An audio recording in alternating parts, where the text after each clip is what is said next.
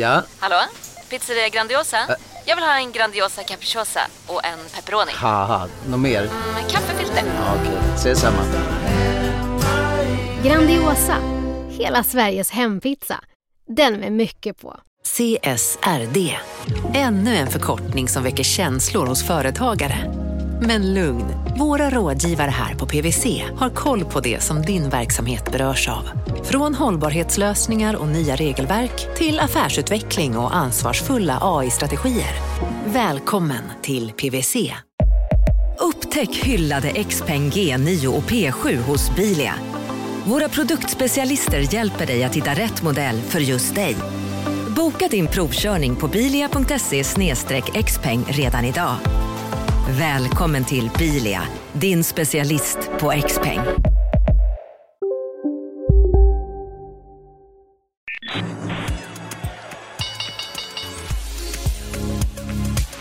Det här är Affärsvärlden Magasin med Helene Rådstein.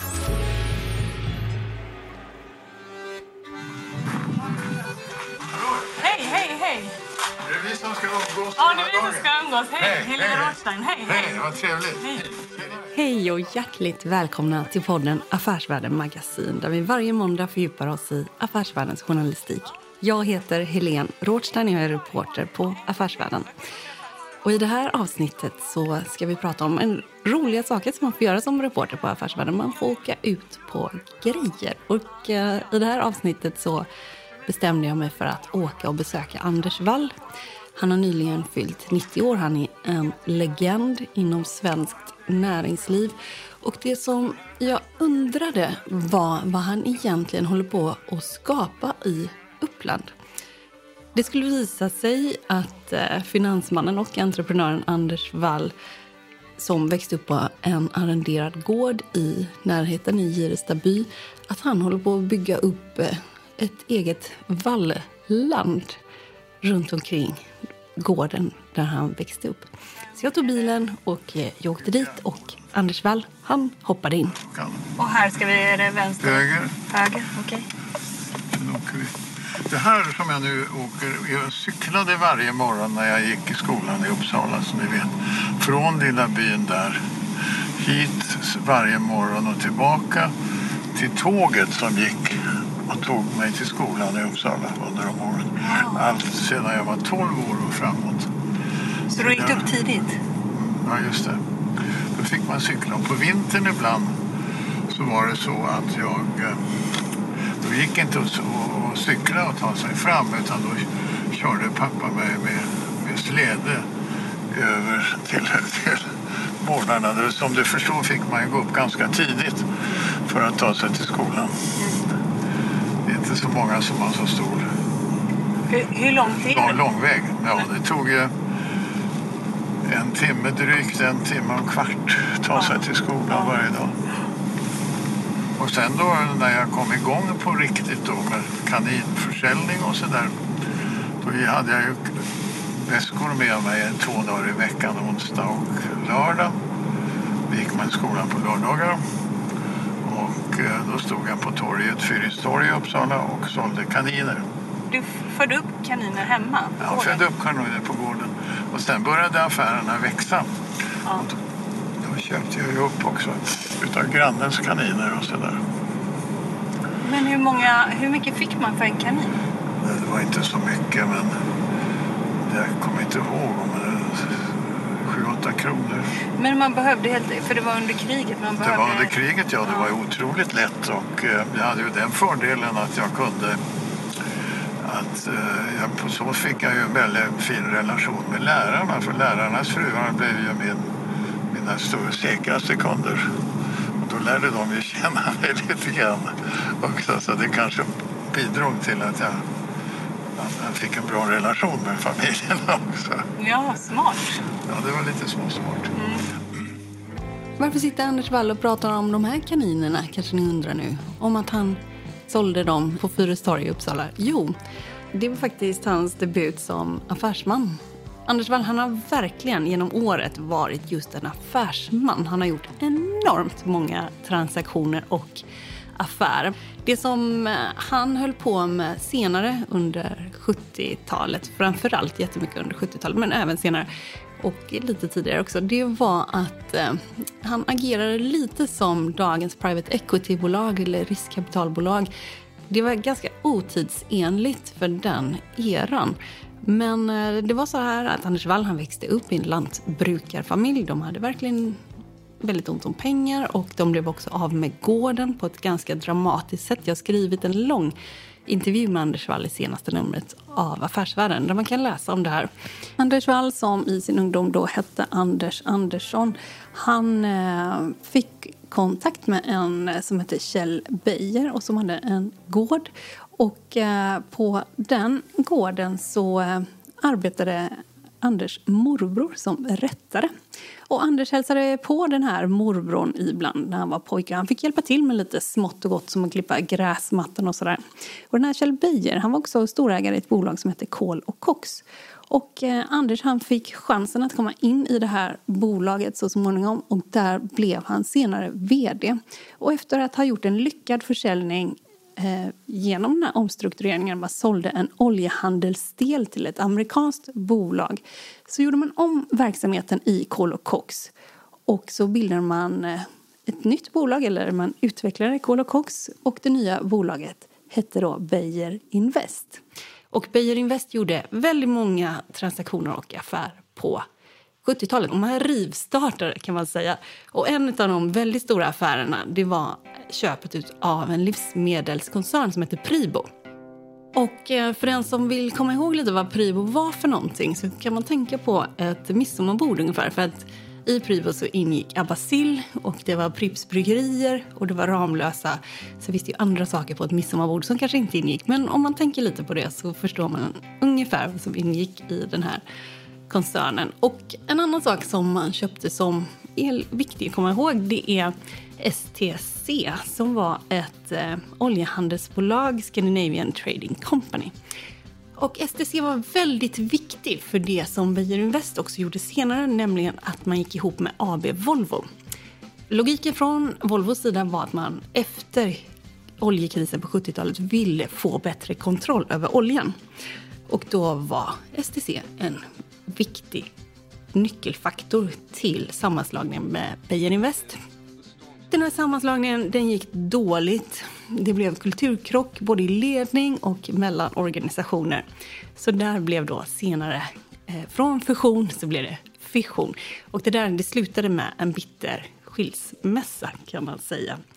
När vi ändå håller på så kan jag ändå säga klart vad han gjorde som han kanske är lite mer känd för. Efter fusionen med Volvo så eh, Ja, när bolagen hade separerats så återgick Wall till egna investmentbolag och först Investment AB Beijer, sedan Beijer Industries och Beijer Capital. Och det här senare företaget drabbades hårt av finanskrisen i början på 90-talet i samband med att börsnoterade nyckeln brakade samman. Och det gjorde man efter att ha erbjudit en aggressiv fastighetsbelåning. Jag kan tänka mig att fler av er som lyssnar på näringslivspoddar känner till det här med nyckeln. Men eh, under den djupa finans och fastighetskrisen i början på 90-talet då förlorade Wall eh, stora mängder av sin förmögenhet. Men i kriser så är det andra som också har förlorat pengar och andra som vill sälja sina tillgångar för olika anledningar. Och några som ville det, det var Sparbanken som ville sälja sin ägarandel i Uppsala-bolaget Alma Invest. Och eh, Anders Wall han köpte den delen och han gick också in som ordförande i Alma Invest. Och eh, där var flera utav koncernbolagen, de var sargade utav krisen och arbetet fick läggas på att återställa lönsamhet, säkra finansiering och få ökad tillväxt. Och efter ett par år så ger det här resultat och eh, den här industrikoncernen heter numera Beijer Alma och har ett börsvärde på 11,5 miljarder kronor. Så man kan säga så här, Anders Wall han föddes i en lantbrukarfamilj, de hade inga pengar alls.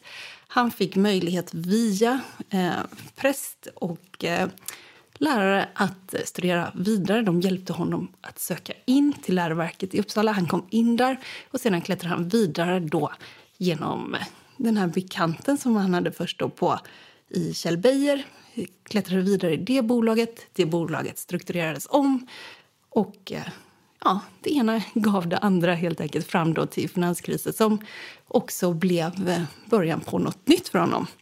Han och stiftelserna de är fortfarande största ägare då i Beijer Alma. Och det som eh, Anders Wall har gjort det var att han inledde sin karriär som börsens yngste börs-vd i Kohl och Cox en gång i tiden. Och han slutade sin börskarriär kan man säga som börsens äldste ordförande när han slutade som det i Beijer Alma 2016. Han var då 85 år gammal. Den posten övertogs av hans son Johan Wall. Marknaden sponsras av SPP, pensionsbolaget. Eh, förra gången pratade vi lite om ITP. Och som en kort repetition så, så var det ju 70-tal, arbetsmarknadens parter bestämde att alla tjänstemän ska ha en tjänstepension. Man kom överens om vilka villkor som ska gälla i den här pensionen och så kallade man den för ITP. Så jobbar man idag som tjänsteman i ett företag med kollektivavtal, då har man förmodligen den här pensionen, ITP-pensionen. Eh, och det är ju så att man kan påverka eh, den här pensionen, hur den är placerad. Vart femte år så gör nämligen Collectum, som de heter, en enorm upphandling där olika pensionsbolag kan ansöka om att få förvalta eh, de här pensionerna. Och SPP är ett av bolagen som valdes ut i den senaste upphandlingen. Och sen kan du som pensionssparare välja eh, vilket av de här olika pensionsbolagen som, som då ska få ta hand om dina pengar. Och tanken med den här upphandlingen är ju att liksom kvalitetssäkra de här olika alternativen eh, men också att förhandla fram stora rabatter så att pensionsspararna ska få ja, kunna spara pengar genom att avgifterna eh, som är så viktiga eh, blir eh, lägre. Och vill man välja någonting i ITP-systemet då finns det en relativt ny sajt som heter avtalat.se. Ehm, där kan man gå in och se hur sin ITP-pension är placerad. Jag gjorde det häromdagen faktiskt. Ehm, idén är att hälften av pengarna alltid ligger i något som kallas för traditionell försäkring. Det här gjorde vi ett avsnitt om i podden Kapitalet nyligen eh, som vi kallade världens bästa sparform. kan man lyssna på om man är intresserad. Eh, den andra halvan eh, den kan man också lägga i en traditionell försäkring eller så kan man placera det i något som kallas för fondförsäkring. Eh, SPP som sagt eh, var ju ett av de fåtal bolagen som valdes ut i den senaste upphandlingen och de finns med som alternativ både med en traditionell försäkring och med eh, fonder. Så det var en liten bakgrund till ITP-systemet. Vill man läsa mer om det här eller typ kolla hur ITP-pensionen är placerad, eh, kanske göra förändringar, då går man in på avtalat.se Eh, men tack säger jag till SPP som vill göra oss människor mer medvetna om hur enormt viktig pensionen är för oss som en framtida lön, men också som en positiv kraft i samhället eh, och förstås för att ni möjliggör eh, den här podden Marknaden. Du lyssnar på Affärsvärlden Magasin med Helene Rådstein. Det vi ska fördjupa oss i idag, det handlar om vad Wall håller på att skapa i Uppland runt den byn han kommer ifrån. Vi ska se vad han gör i Domarbos skog. Inom den här koncernen så finns bland annat företagsparken Morgongåva. Och där kommer vi att träffa Apoteas VD Per Svärdsson. Tjena! Hej! Står det till? Bra, här är Affärsvärlden. Mm. Nu har vi hållit på med vår nya iframe så att då ja håller vi på att testa den lite grann. Ja. Men, vad är det för något? Eh, det är en automatisk plock och packmaskin. Mm. Och då har vi haft en sån innan och nu ska vi koppla i den till och så ska den igång. Så har vi massa, de är väl österrikare mm. som är här. Som då eh, en lite butter farbror som man pekar på något fel så tittar han på det så går han iväg och sen Först funkar det. Och en sån liten maskin är 75 meter lång så att det inte bara... Jaha. alltså att den är väl liksom... Hur många sådana mm. kommer du ha? Det är två sådana och en som heter Pick by Light där man liksom får upp lampor där man ska plocka en vara. Så, så Fantastiskt. Men det här är ju häftigt. Ja, det, det här nya huset? Ja. Mm, alltså, och grejen är så här, jag var ju här i fredags. Då stod det ju typ fyra stolpar här. Ja. Nej. Jo. Alltså det, och grejen är så här, de spränger i ena änden och bygger huset i andra. Så hugger skog längst bort. Ja. Nej, men alltså, det är verkligen så fascinerande. Man tänker i någon form av ja, men lite, kanske lite äldre värld så tänker man så att man först liksom jämnar av en platta. Och sen när man har jämnat till den då börjar man liksom gjuta grunden och sen så Det hade jag man- också trott. Ja. Mm. Men här, här är ju liksom här är ju nästan att de börjar med inredningen där och där borta så gräver de. Mm. Det är otroligt. Men Det blir färdigt i slutet på december. Det är besiktningar i december, ja. Det är fantastiskt. Det blir kalas igen. Ja, nej, men så att det är ju... ska ni flytta dit sen, Apotea? Nej, men ni är kvar. Vi, vi har ju eh, fyra stycken systerbolag. Och de är tanken att de ska flytta dit. Vidfors, Stor och Liten, Babeland och eh, Happy Yachting. Men då blir det ju sidan, då får ju Apotea mycket mera plats. Mm. I och med att de flyttar ut så har det liksom så minskade trycket lite på verksamheten. Det är trångt för er här nu. Ja. Mm. Ja, ja. När det börjar bli trångt så blir det liksom lite dyrare. Mm. Vilket gör att det, och det liksom blir bara dyrare och dyrare. Så att det finns liksom en... Mm. Så att det, det, men det är för trångt. Mm. Ja, men vi växte ju med 700 mi- miljoner mer än vad vi hade planerat. Och det är ju liksom det är så här... Från, från vilken nivå? Från 4 Ja, eh, miljarder? Ja, men från eh, 2,7 Mm. eh, till att vi skulle liksom till 3,5. Eller 500 miljoner mer än vad vi planerat. Mm. Eller 600 var vi förresten. Ja, men så här, eh, nej, men vi hade planerat att växa med 700 och så växte vi med 1,3. Mm. Så att det, det är ju liksom så här, då blir det ganska mycket planer lite sådär. Ja, lite omkullkastat. Otroligt. Så att vi fick ju en ganska hetsk eh, mars. Nej men alltså där, eh, när man kom hem från sportlovet och bara oj, nu blev det konstigt. Mm. Det fattar du direkt. Ja, alltså det, man, vi såg ju vår försäljningsgrad. Mm, mm. Nej men alltså det var ju på den nivån. Alltså att man, Siffrorna snackar liksom Ja, att det ja här men, är... absolut. Att det, Mm. nej, men det är klart att om vi säger då att vi hade en kapacitet där precis i början på pandemin Mm. kapacitet på att leverera ut 40 000 ordrar om dagen Mm. och så får man in 80. Mm. Och, och så är det så här, och det är, ju- om vi säger då att på Black Friday så kanske vi fick in du vet, 60. Mm. Och så säger man så här, ja, men det är en dag och sen kan man liksom repa upp det, städa i en, två veckor. Mm. Men sen dagen efter kommer 80 igen. Då blir det lite så här, eh, Mm. Nej, men det är verkligen häftigt med sådana här byggen. Att, att det är liksom verkligen så här när de, de, de bara kommer så här med en gång i timmen så kommer det nya stålbalkar levererades. Ja. Och sen så verkligen är liksom... Mm. Och det är ju som när de börjar, på det här huset, när de börjar lägga det här golvet. Mm. Då var det ju verkligen så här... Ja, men jag vet inte, vad var det? Var det 50 minuter mellan varje leverans? Eller liksom? Mm. Ja, men du vet att det kommer liksom en lastbil och kör in var 50 minut och lastar av betongbitar. Mm. Och, och då har de liksom fyra bitar kvar. Mm. Och så börjar de på nästa. Liksom. Och då ska den där upp på plats, för det finns inte plats att lägga där Nej. på backen och vänta. Utan Mm. det är ju on time det där. Och nu går vi in vad är det här för rum? RX. RX. Här är då den eh, delen där vi har receptbelagd medicin. Så den är då lite mer låst och, och liksom kontrollerad och alla här är liksom... eh, eh, alla som sitter här i området är då apotekare eller alltså farmaceuter. Alltså receptarier eller apotekare. Och, då, och det är ju ett legitimationsyrke där man liksom... Så att de, de kollar ju egentligen läkarna.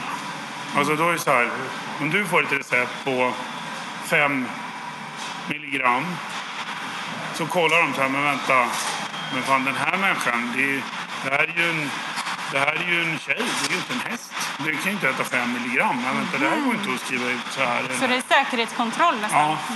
Ja. Och det andra är ju att de, de läkaren ser ju, om du säger så här att ja, men jag har ont i huvudet, jag vill ha den här medicinen. Och så kommer de fram till det. Då ser ju den här gänget, de ser ju vad du äter i övrigt. Du kan ju ha varit hos en annan läkare och sagt att jag mår ju också jättedåligt. Och så går du till nästa läkare och säger att du mår jättedåligt. Och de ser inte riktigt varandras recept. Men här, så därför är det inte självklart att man... Det är inte självklart att de lämnar ut ett recept. Alltså det, det är på apotekarens ansvar att, att det är säker medicin för dig. Så, att det, Så att de är liksom någon form av second line på, på läkarnas liksom, utskrivning. Nu kanske någon tänker så här. Kan eh, vi inte få lite förklarat för oss hur Per Svärdson och Anders Wall hänger ihop egentligen? Jo, jo, men det kommer nu. Eh, det är så här att eh, en sak som gäller att komma ihåg med Anders Wall är att han har alltid haft många parallella projekt. Under tiden som han var ordförande för Beijer Alma så köpte han också en övergivna fabrikslokaler i den lilla orten Morgongåva. Han köpte dem för 7 miljoner kronor och tänkte att det här kan man väl göra någonting med. Och i de här fabrikslokalerna så har han då utvecklat ett logistikcentrum. Det har han inte gjort ensam förstås, utan det har man gjort i den här koncernen som heter Domarbo Skog. I den skogs och fastighets och också delvis investmentkoncernen så har man eh, extremt mycket mark i området. Man köper på sig också allt mer. Dels som koncern och dels också Anders Wall och hans son eh, Johan Wall köper på sig mer och mer mark. Och det som man försöker göra och det som man har gjort är att utveckla området då runt Morgongåva. Det har man gjort hittills och det är något som man fortsätter göra inom den här koncernen. Så ska man till exempel bygga bostäder. Detta skriver jag om i senaste numret av Affärsvärlden så man kan fördjupa sig mer i de här frågorna där. Men det som man ska komma ihåg är att de träffades i alla fall innan allt det här fanns. Och det var första gången 2001 och då var de här fabrikslokalerna gamla men också nya då i, inom Valls ägor. Och eh, Per Svärdson han hade precis grundat nätbokhandeln Adlibris. Och efter att Svärdson hade sålt den verksamheten till Bonnier så fortsatte han sin entreprenörsresa då inom apoteksbranschen genom grundandet av Apotea. Och både Adlibris och Apotea fortsatte då att hyra direkt av Anders Wall. Innan vi kom hit och besökte den här logistikparken och lagret, det är helt gigantiskt. Jag typ rekommenderar alla att gå dit och kolla. kanske man inte får, men eh, om ni kan så gör det, för det är väldigt intressant. Eh, men Per Svärdson han berättade det här för mig innan vi kom dit. Det här är då från tiden 2001. Han säger så här. Vid den tidpunkt så fanns bara en lokal på 1500 kvadratmeter. Den var för stor för oss. Vi hade inte riktigt råd med den lokalen. Men då fick vi hyra mitten av rummet och märka ut arean som vi hyrde med tejp på golvet. Vi hyrde bara innanför tejpen.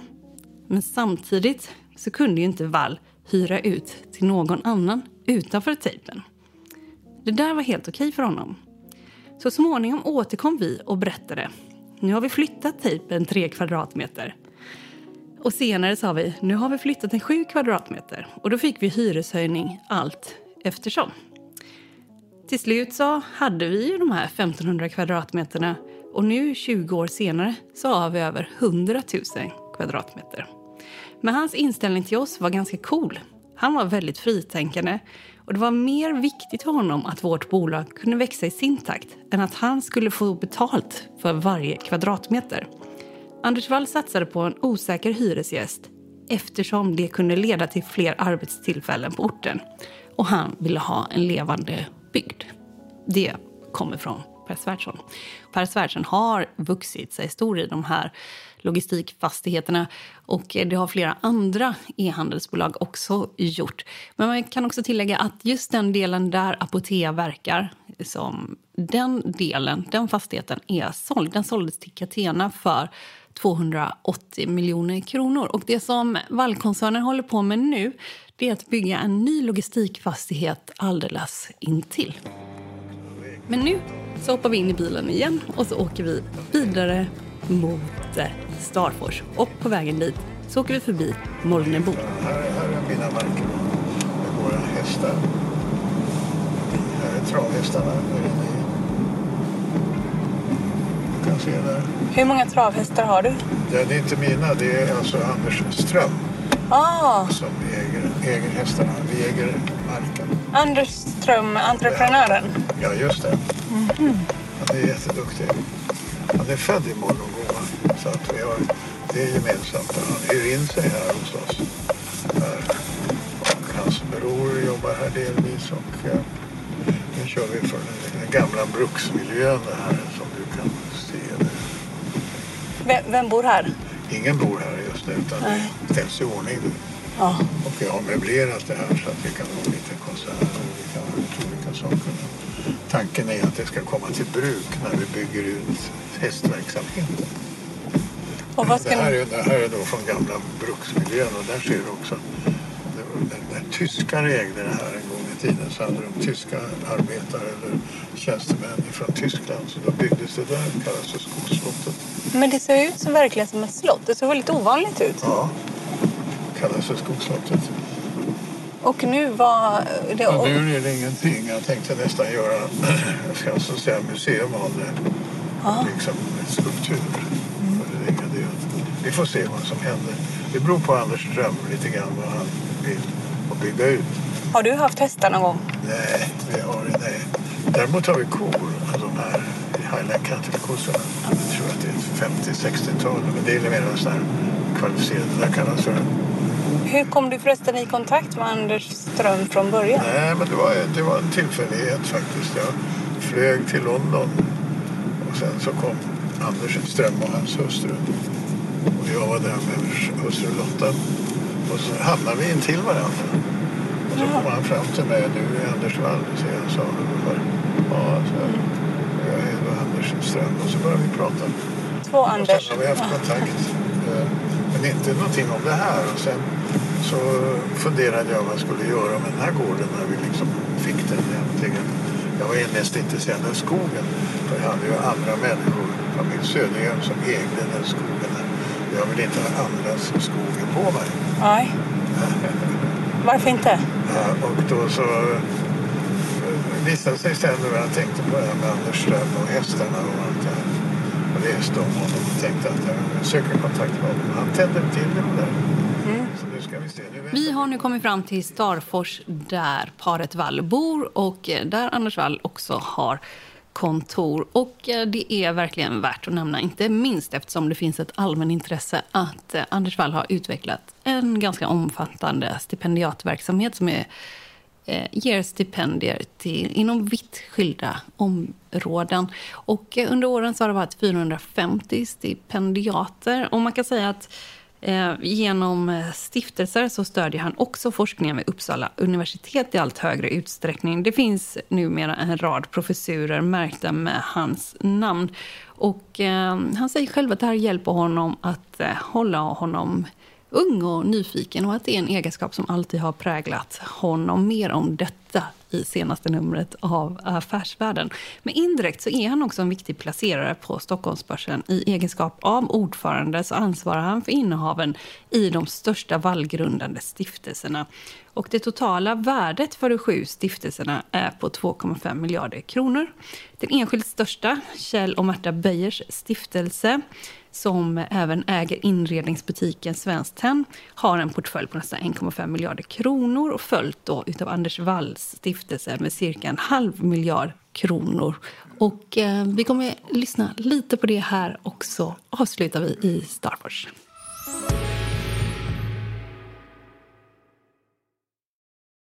Eh, marknaden sponsras av Karla. Eh, vi pratar ju en hel del om bilar här- på kontoret. Eh, Karla har ju skapat, skulle jag säga, det som är standarden för hur man idag köper och säljer bilar på nätet.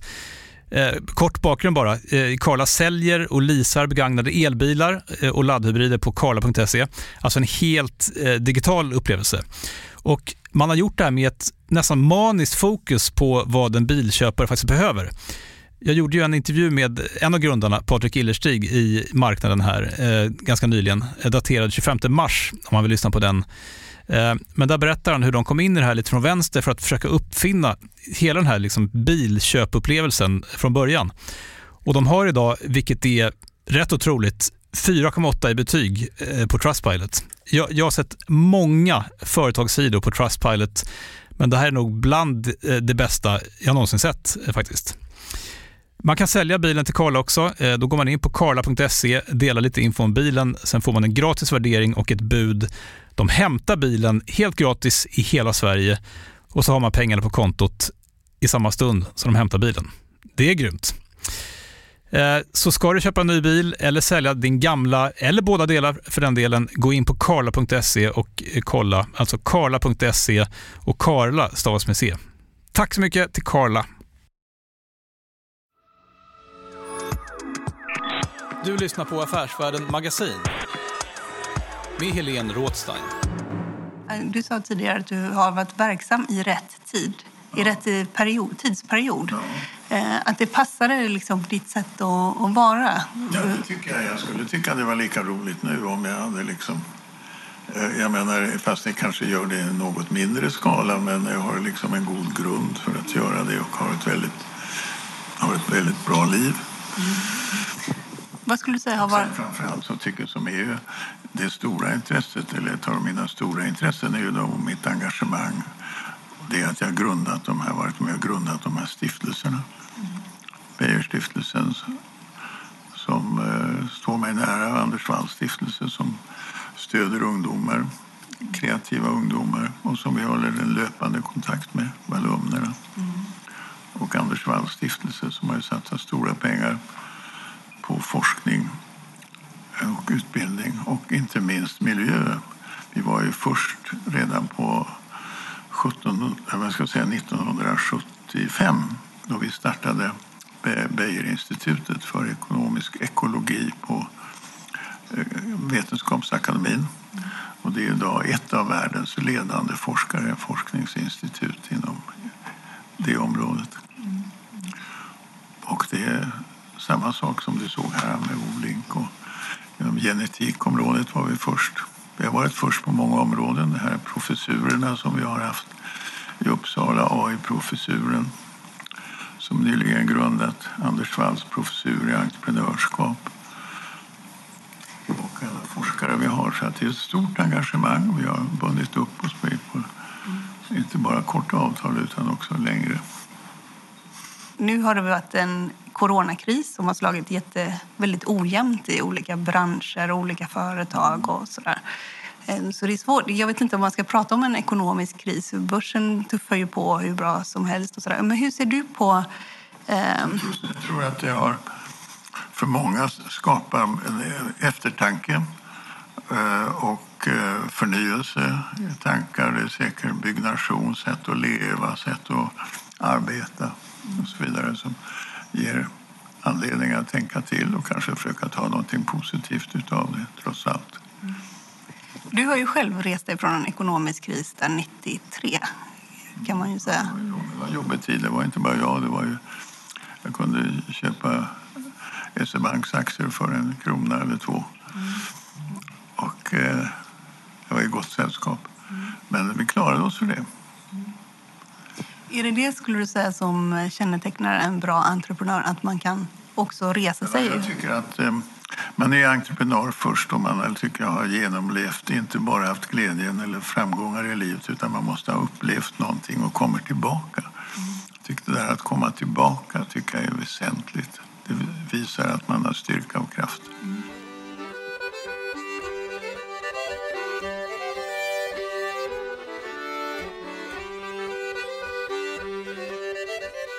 Du har lyssnat på podden Affärsvärlden med mig, Helene Rådstein som har eh, följt med Anders Wall en hel dag i Valland eller som man kanske också kan säga Wall Street i Uppland.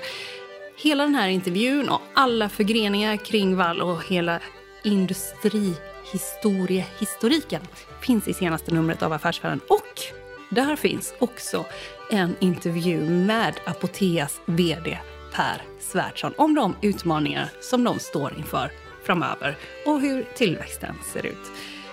Jag vill också passa på att äh, säga att vi är på väg i Sverige mot att ha tusen bolag noterade på våra börser.